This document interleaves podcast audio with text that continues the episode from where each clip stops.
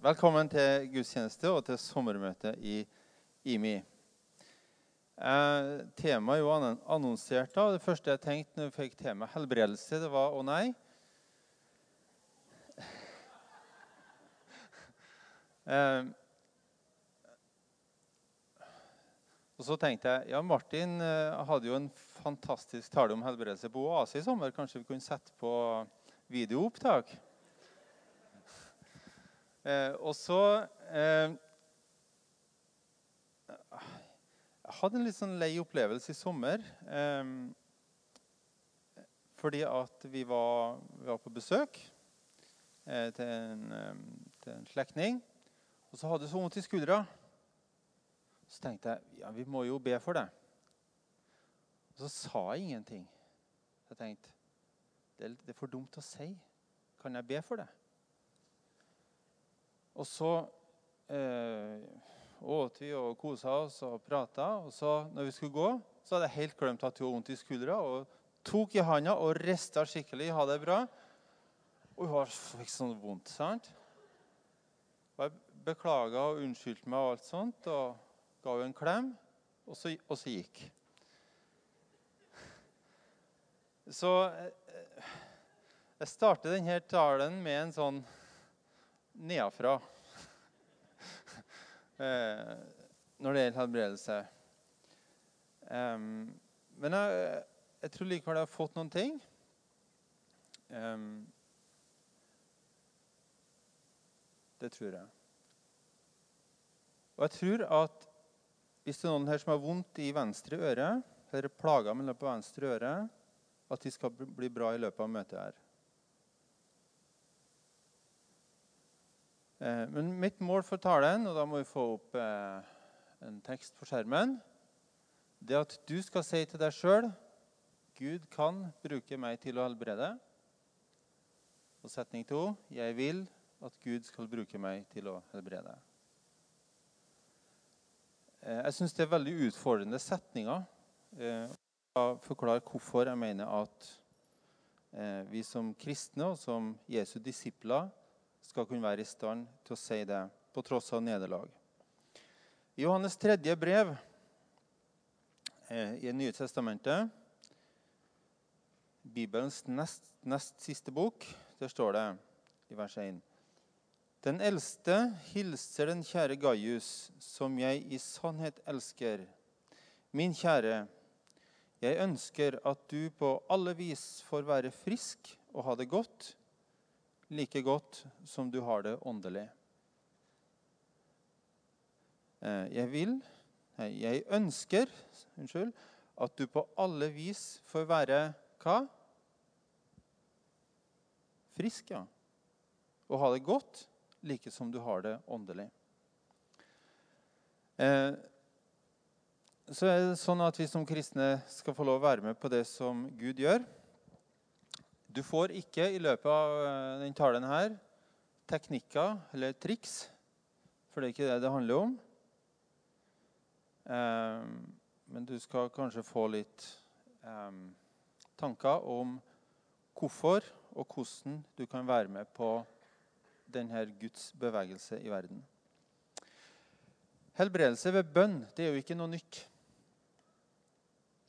Likevel så er det på en måte nytt.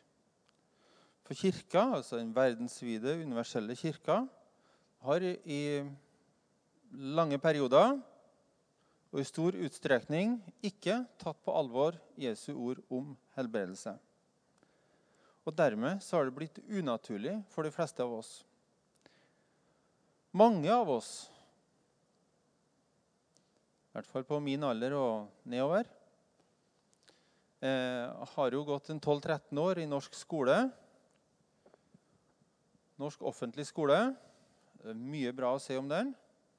Men eh, det er én ting som er negativt, eh, i hvert fall med, med, den skolegangen jeg har hatt. Det er at jeg er døpt i noe jeg kaller for den darwinistiske åndsdåpen.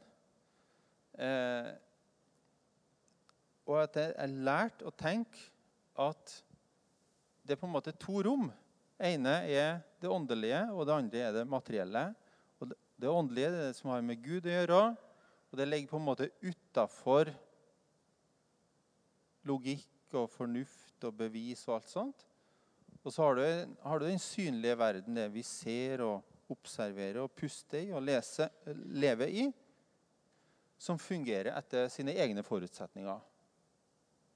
Så vi er på en måte opplært til å tro at Gud fins ikke, men hvis han fins, så kan han i hvert fall ikke gjøre noen ting.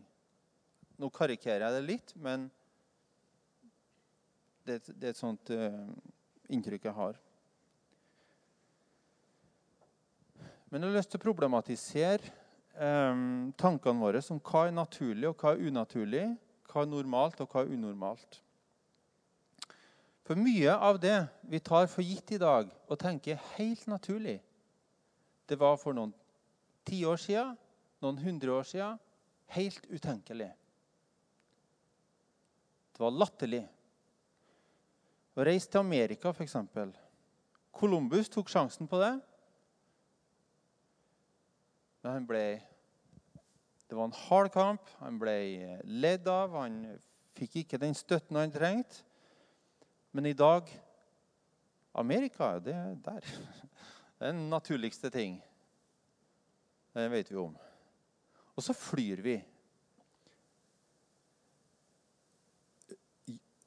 Store rør av jern med vinger flyr i lufta og frakter oss på timer rundt om i verden der vi før måtte bruke månedsvis for å komme.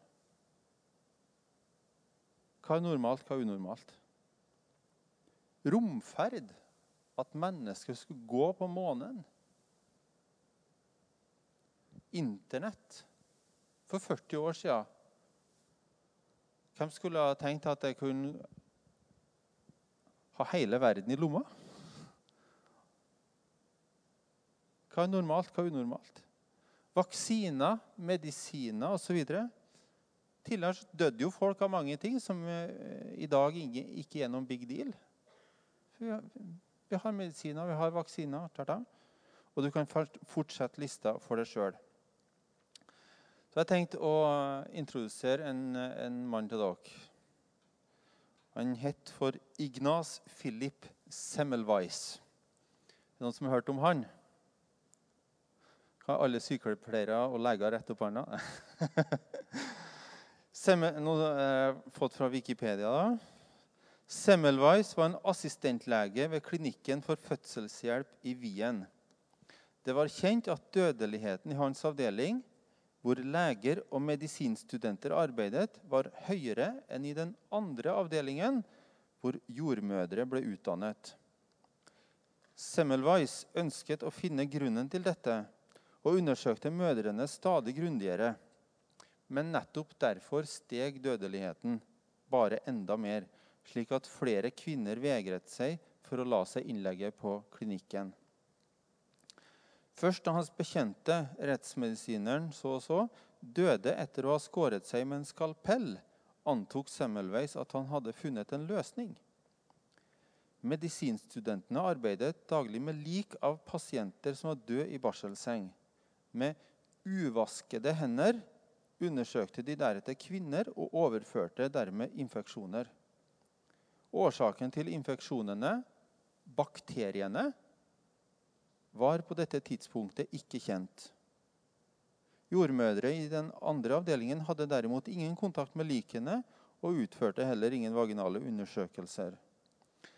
Semmelweis anviste sine studenter deretter til å desinfisere hendene med klorkalk etter å ha arbeidet med likene, et virkningsfullt tiltak som reduserte dødsraten fra 12,3% til 2-3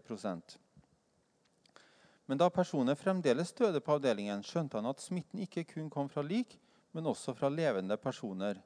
Han innskjerpet deretter sine forskrifter til at hender skulle desinfiseres etter enhver undersøkelse. Dermed klarte han i 1848 å senke dødsraten til 1,3% noe som også lå under dødsraten på den andre avdelingen. Alt det er interessant, men så kommer, men så kommer det greiene her nå. Tross sin suksess oppnådde hans arbeide lenge liten anerkjennelse blant andre leger.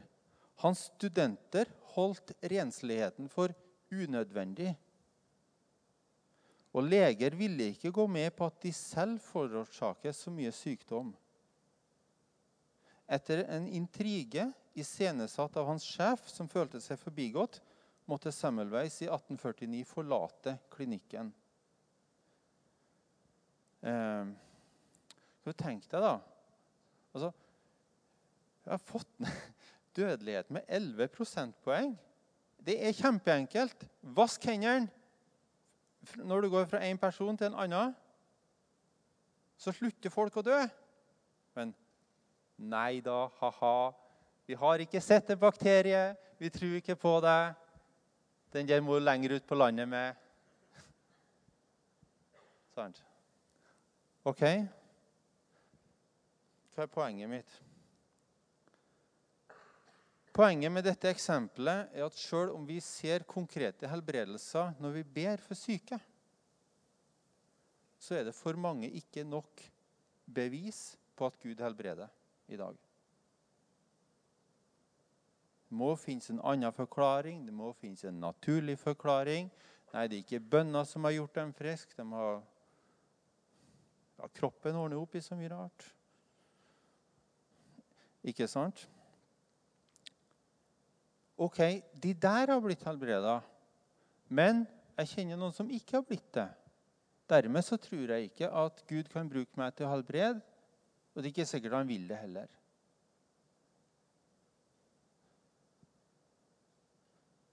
Faktisk så er det en eh, del kristne, dessverre, som bruker tid, krefter, energi,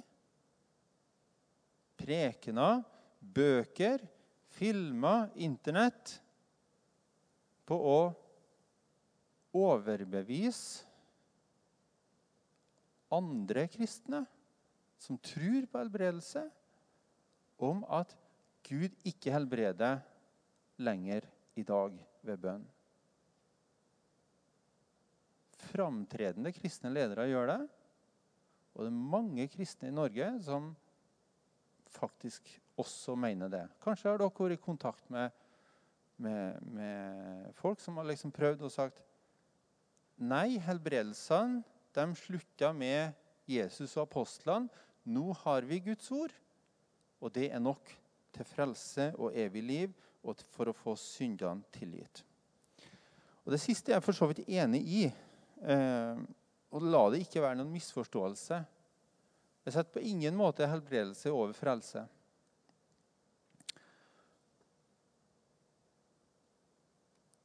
Den aller største gaven et menneske kan få, det er å få syndene sine tilgitt og få evig liv. Og det er lett å få den gaven. Det er bare å si ja til Jesus. Takk at du døde i mitt sted. Takk at du vil komme inn i mitt liv. Kom inn i mitt liv, tilgi meg min synd, skriv mitt navn i livets bok. Stryk det aldri ut, og led meg dag for dag helt til evig liv. Altså det, det, er kjempeenkelt å bli frelst. Det er den største og beste gaven som motiverer oss til å vitne, til å drive misjon, til å fortelle om Jesus. Og Jesus kom for å frelse mennesker. Han gav sitt liv for oss. Og skulle du være her i dag som vet med deg sjøl at du ikke er frelst, så tilbringer jeg gjerne minutter, timer, dager, måneder og år med samtaler hvis det kan deg en centimeter nærmere Jesus. For du er faktisk ikke Ja, det altså det, Ja. Nei, går tilbake.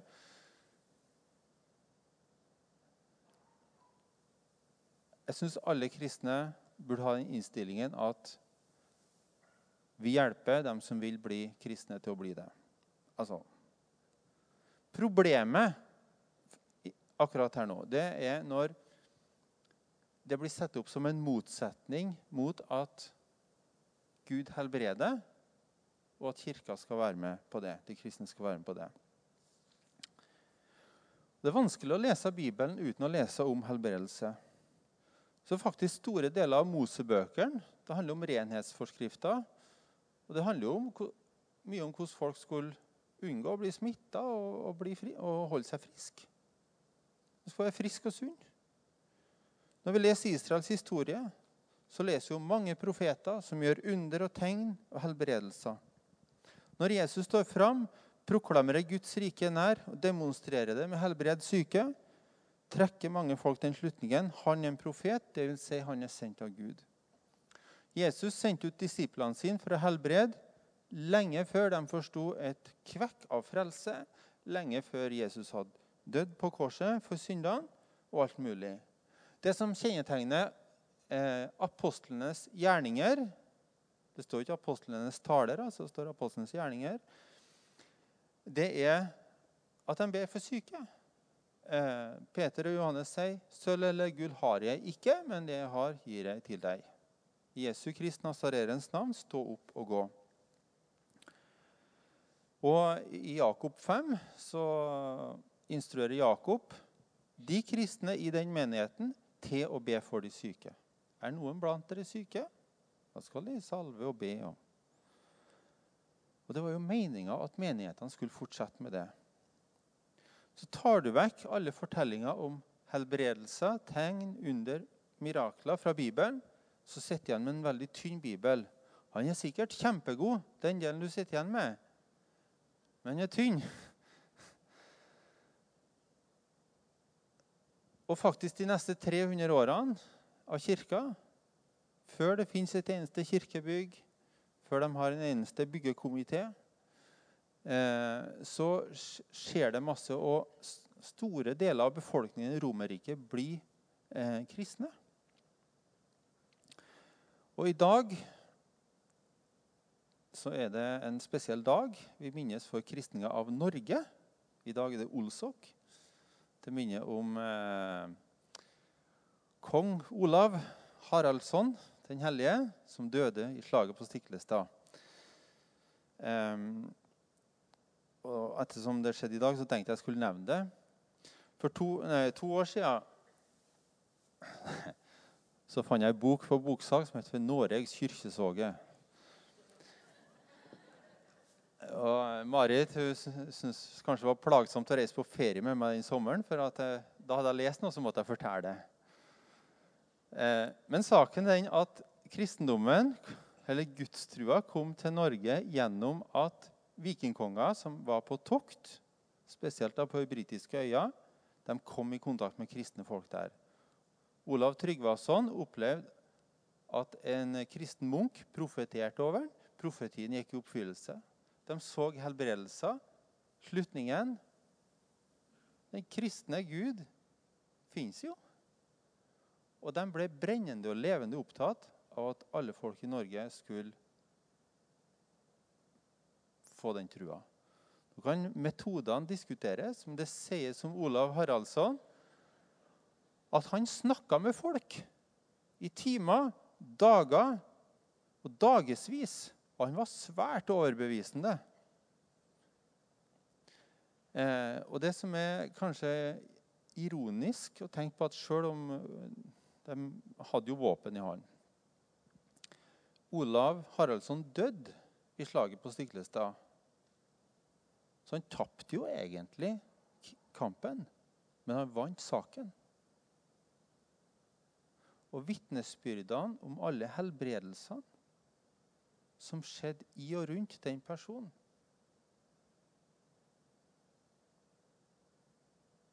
Førte til mange omvendelser. Igjen da å anbefale Oluf Kolsrud. Kristenrettene ble vedtatt. Um, sånn at dette med helbredelse det er ikke noe ukjent for kirka. Og det er ikke ukjent for norsk kirkehistorie heller. Um, å hevde at helbredelsene forsvant med apostlene, det er ikke bare usant. Nå kommer det noe som, er, som jeg faktisk kan stå inne for, men som ikke er så veldig hyggelig sagt. Jeg syns det er feigt. Rett og slett. Jeg syns det er en ansvarsfraskrivelse. Tenk om det var sånn at Gud ikke helbreder i dag. Tenk så greit for meg om jeg var fritatt for denne tjenesten. Da slapp jeg jo å dumme meg ut. Jeg slapp å risikere å bli avvist hvis jeg spurte noen kan jeg be for det. Jeg slapp å, slapp å bli skuffa om ingenting skjedde. Og jeg slapp å skape falske forhåpninger. Jeg slapp å leve i det spenninga mellom Guds rike allerede nå, men enda ikke helt. Jeg slapp å sette meg sjøl i situasjoner der jeg var 100% avhengig av Gud sin inngripen. Og jeg slapp å gi avkall på egen komfort i like stor grad. Men så slapp jeg jammen også å se gleden i øynene på den dama som har hatt vondt i handa over lengre tid, og som opplevde at det slapp Se det smilet. Jeg slapp å oppleve at Guds kraft faktisk virker i dag på samme måte som det jeg leser om i Nytestamentet. Jeg slapp å se at Guds ord holder, og at Gud svarer på bønn. For dette er nemlig noe av poenget mitt i dag. Det at helbredelse å være med på helbredelse det er en del av det å være disippel. Dere har kanskje hørt misjonsbefalingen. Matteus 28.: Gå ut i all verden og gjør alle folk til disipler. Idet dere døper dem og lærer dem å holde alt de har befalt dere. Og se, jeg er med dere alle dager inntil verdens ende. første som skal sies om det, det er at en misjonsbefaling, ikke en misjonsforslag. For det andre er at For 150-200 år siden så var det en stor diskusjon i Den vestlige kirke om en skulle drive misjon. Nei, Gud frelser den han vil, uten at vi gjerne får det. Akkurat som her i dag. Nei, Gud helbreder den han vil, uten at vi, uten at vi gjerne får det. I dag så er det sjølsagt at Kirka skal drive misjon. Lære å holde alt de har befalt dere, og da kan vi jo bare lese i Matteus 10,8 f.eks. Matteus 10, 8. der står det Jeg skulle kunne det utenat, vet du, men eh, Helbred syke, vekk opp døde, gjør spedalske rene og driv ut onde ånder. Gi som gave det dere fikk i gave. lære å holde. Det er en del av det å være disippel. Det er en del av det å være disippelgjører. Og I Johannes 13 så vasker Jesus eh, disiplene sine føtter. Og etter han har gjort det, så sier han Forstår dere hva jeg har gjort for dere? Dere kaller meg mester og herre. Dere gjør det med rette, for jeg er det. Når jeg som er Herren og Mesteren, har vasket deres føtter, da skylder også dere å vaske hverandres føtter. Jeg har gitt dere et forbilde. Slik jeg har gjort mot dere, skal også dere gjøre. Sannelig, sannelig, jeg sier dere, tjeneren er ikke større enn Herren sin, og utsendingen er ikke større enn han som har sendt ham. Nå vet dere dette. Og salige er dere om dere gjør det.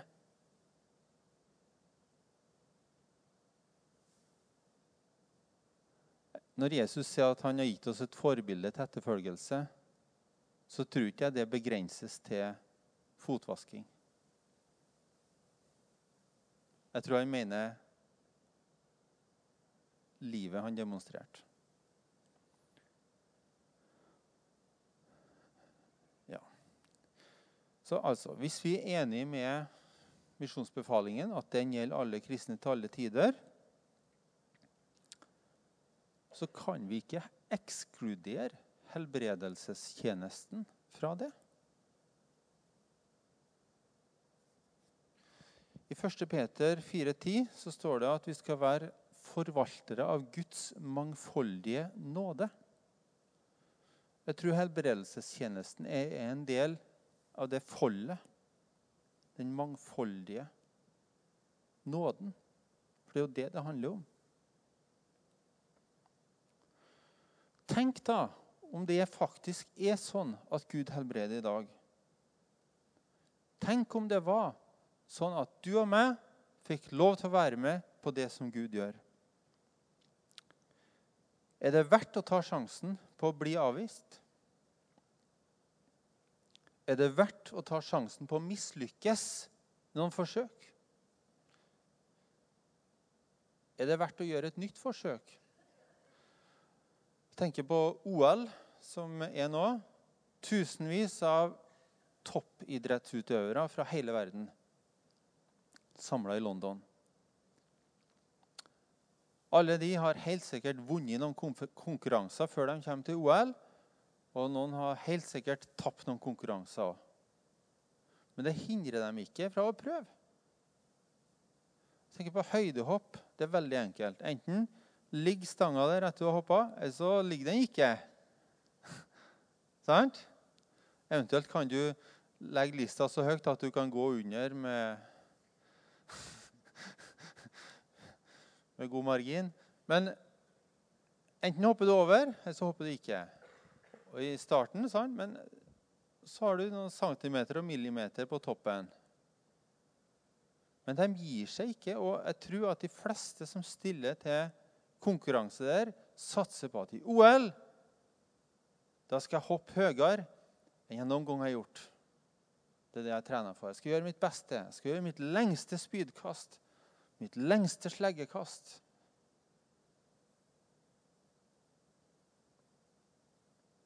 Hvis du har bedt for syke uten at det skjedde noe 50 ganger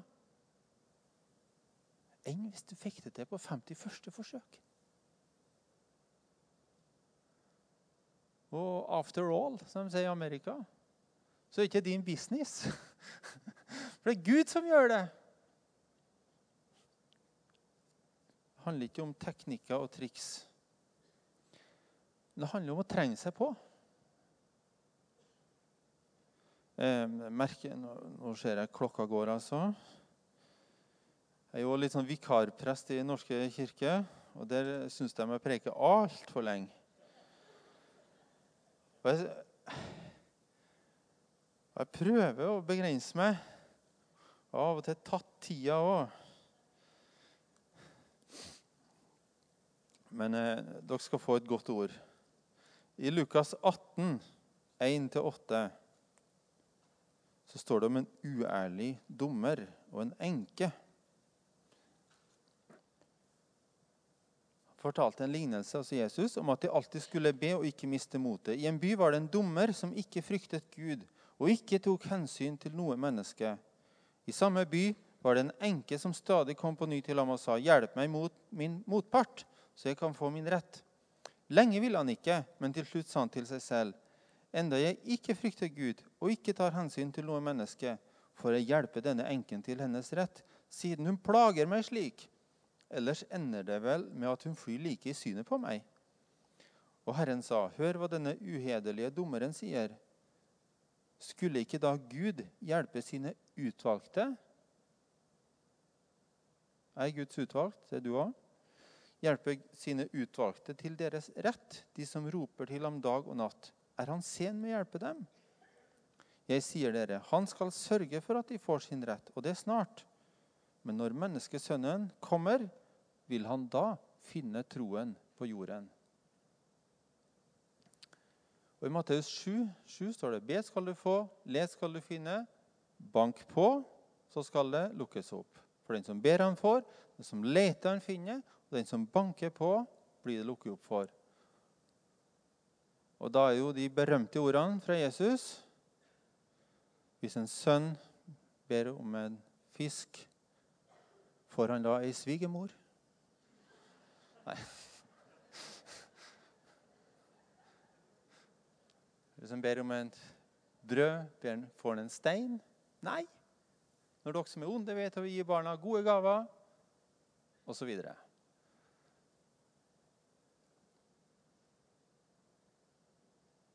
Alle kristne tror på bønn. Helbredelse er ikke noe sånn Det er ikke noe veldig fokus pokus. Det, det, det er Gud som kan bruke oss. For jeg tror at like lite som at folk blir frelst ved at vi lar være å fortelle om Jesus, like lite så blir de helbreda ved at vi lar være å be for dem. Blir alle vi vitner for, frelst? Nei. Slutter vi å vitne for det? Jeg håper ikke det. Blir alle vi ber for, som er syke, helbreda? Ikke så langt jeg kan se. Jeg håper at flere blir. Men jeg kan love deg at når flere ber, så blir flere helbreda. Det tror jeg på. Det handler om å prøve seg fram. Det handler om å gjøre seg avhengig av Guds inngripen. Det handler om å være sammen med mennesker som det skjer helbredelser rundt. Jeg elsker å snakke med folk som har erfaringer fra det her.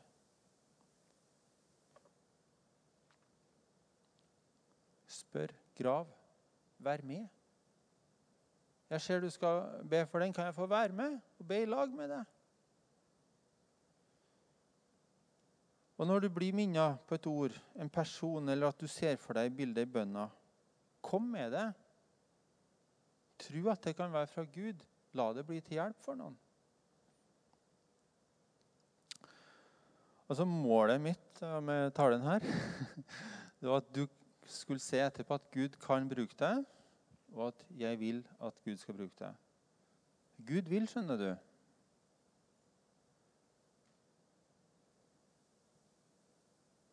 Og Gud kan. Om vi vil, det er jo vårt valg. Men jeg hadde lyst til å gi den utfordringen i dag. På bakgrunn av egne både positive og negative erfaringer med det. Um, jeg, tror vi skal, jeg tror vi kan be om det nå. Avslutt med å be om tru for helbredelse.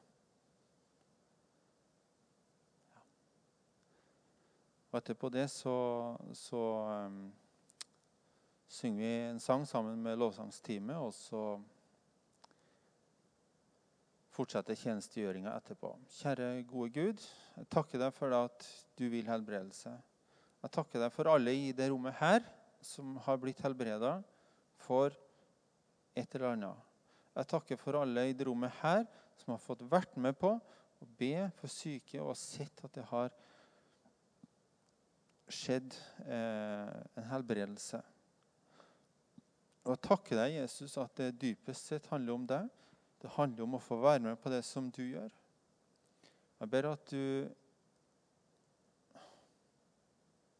åpner opp perspektivet vårt, sånn at vi kan se din handling eh, i verden, din handling med vårt liv og din handling for eh, de menneskene som vi møter og har rundt oss.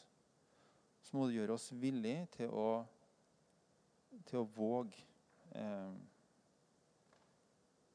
ta sjansen på at du holder. Må du skape en kultur i denne menigheten er, og, og, blant oss som er, at det, at det er lett. At det blir lett å be. Og så må du gi oss det vårt hjerte lengter etter. Om vi ber som denne enka Jesus, som, som ikke ga dommeren fred, så oppfordret du oss til å be på samme måte. Og du fyller oss med kjærlighet til mennesker som har det vondt, sånn at vi ikke holder opp med å be.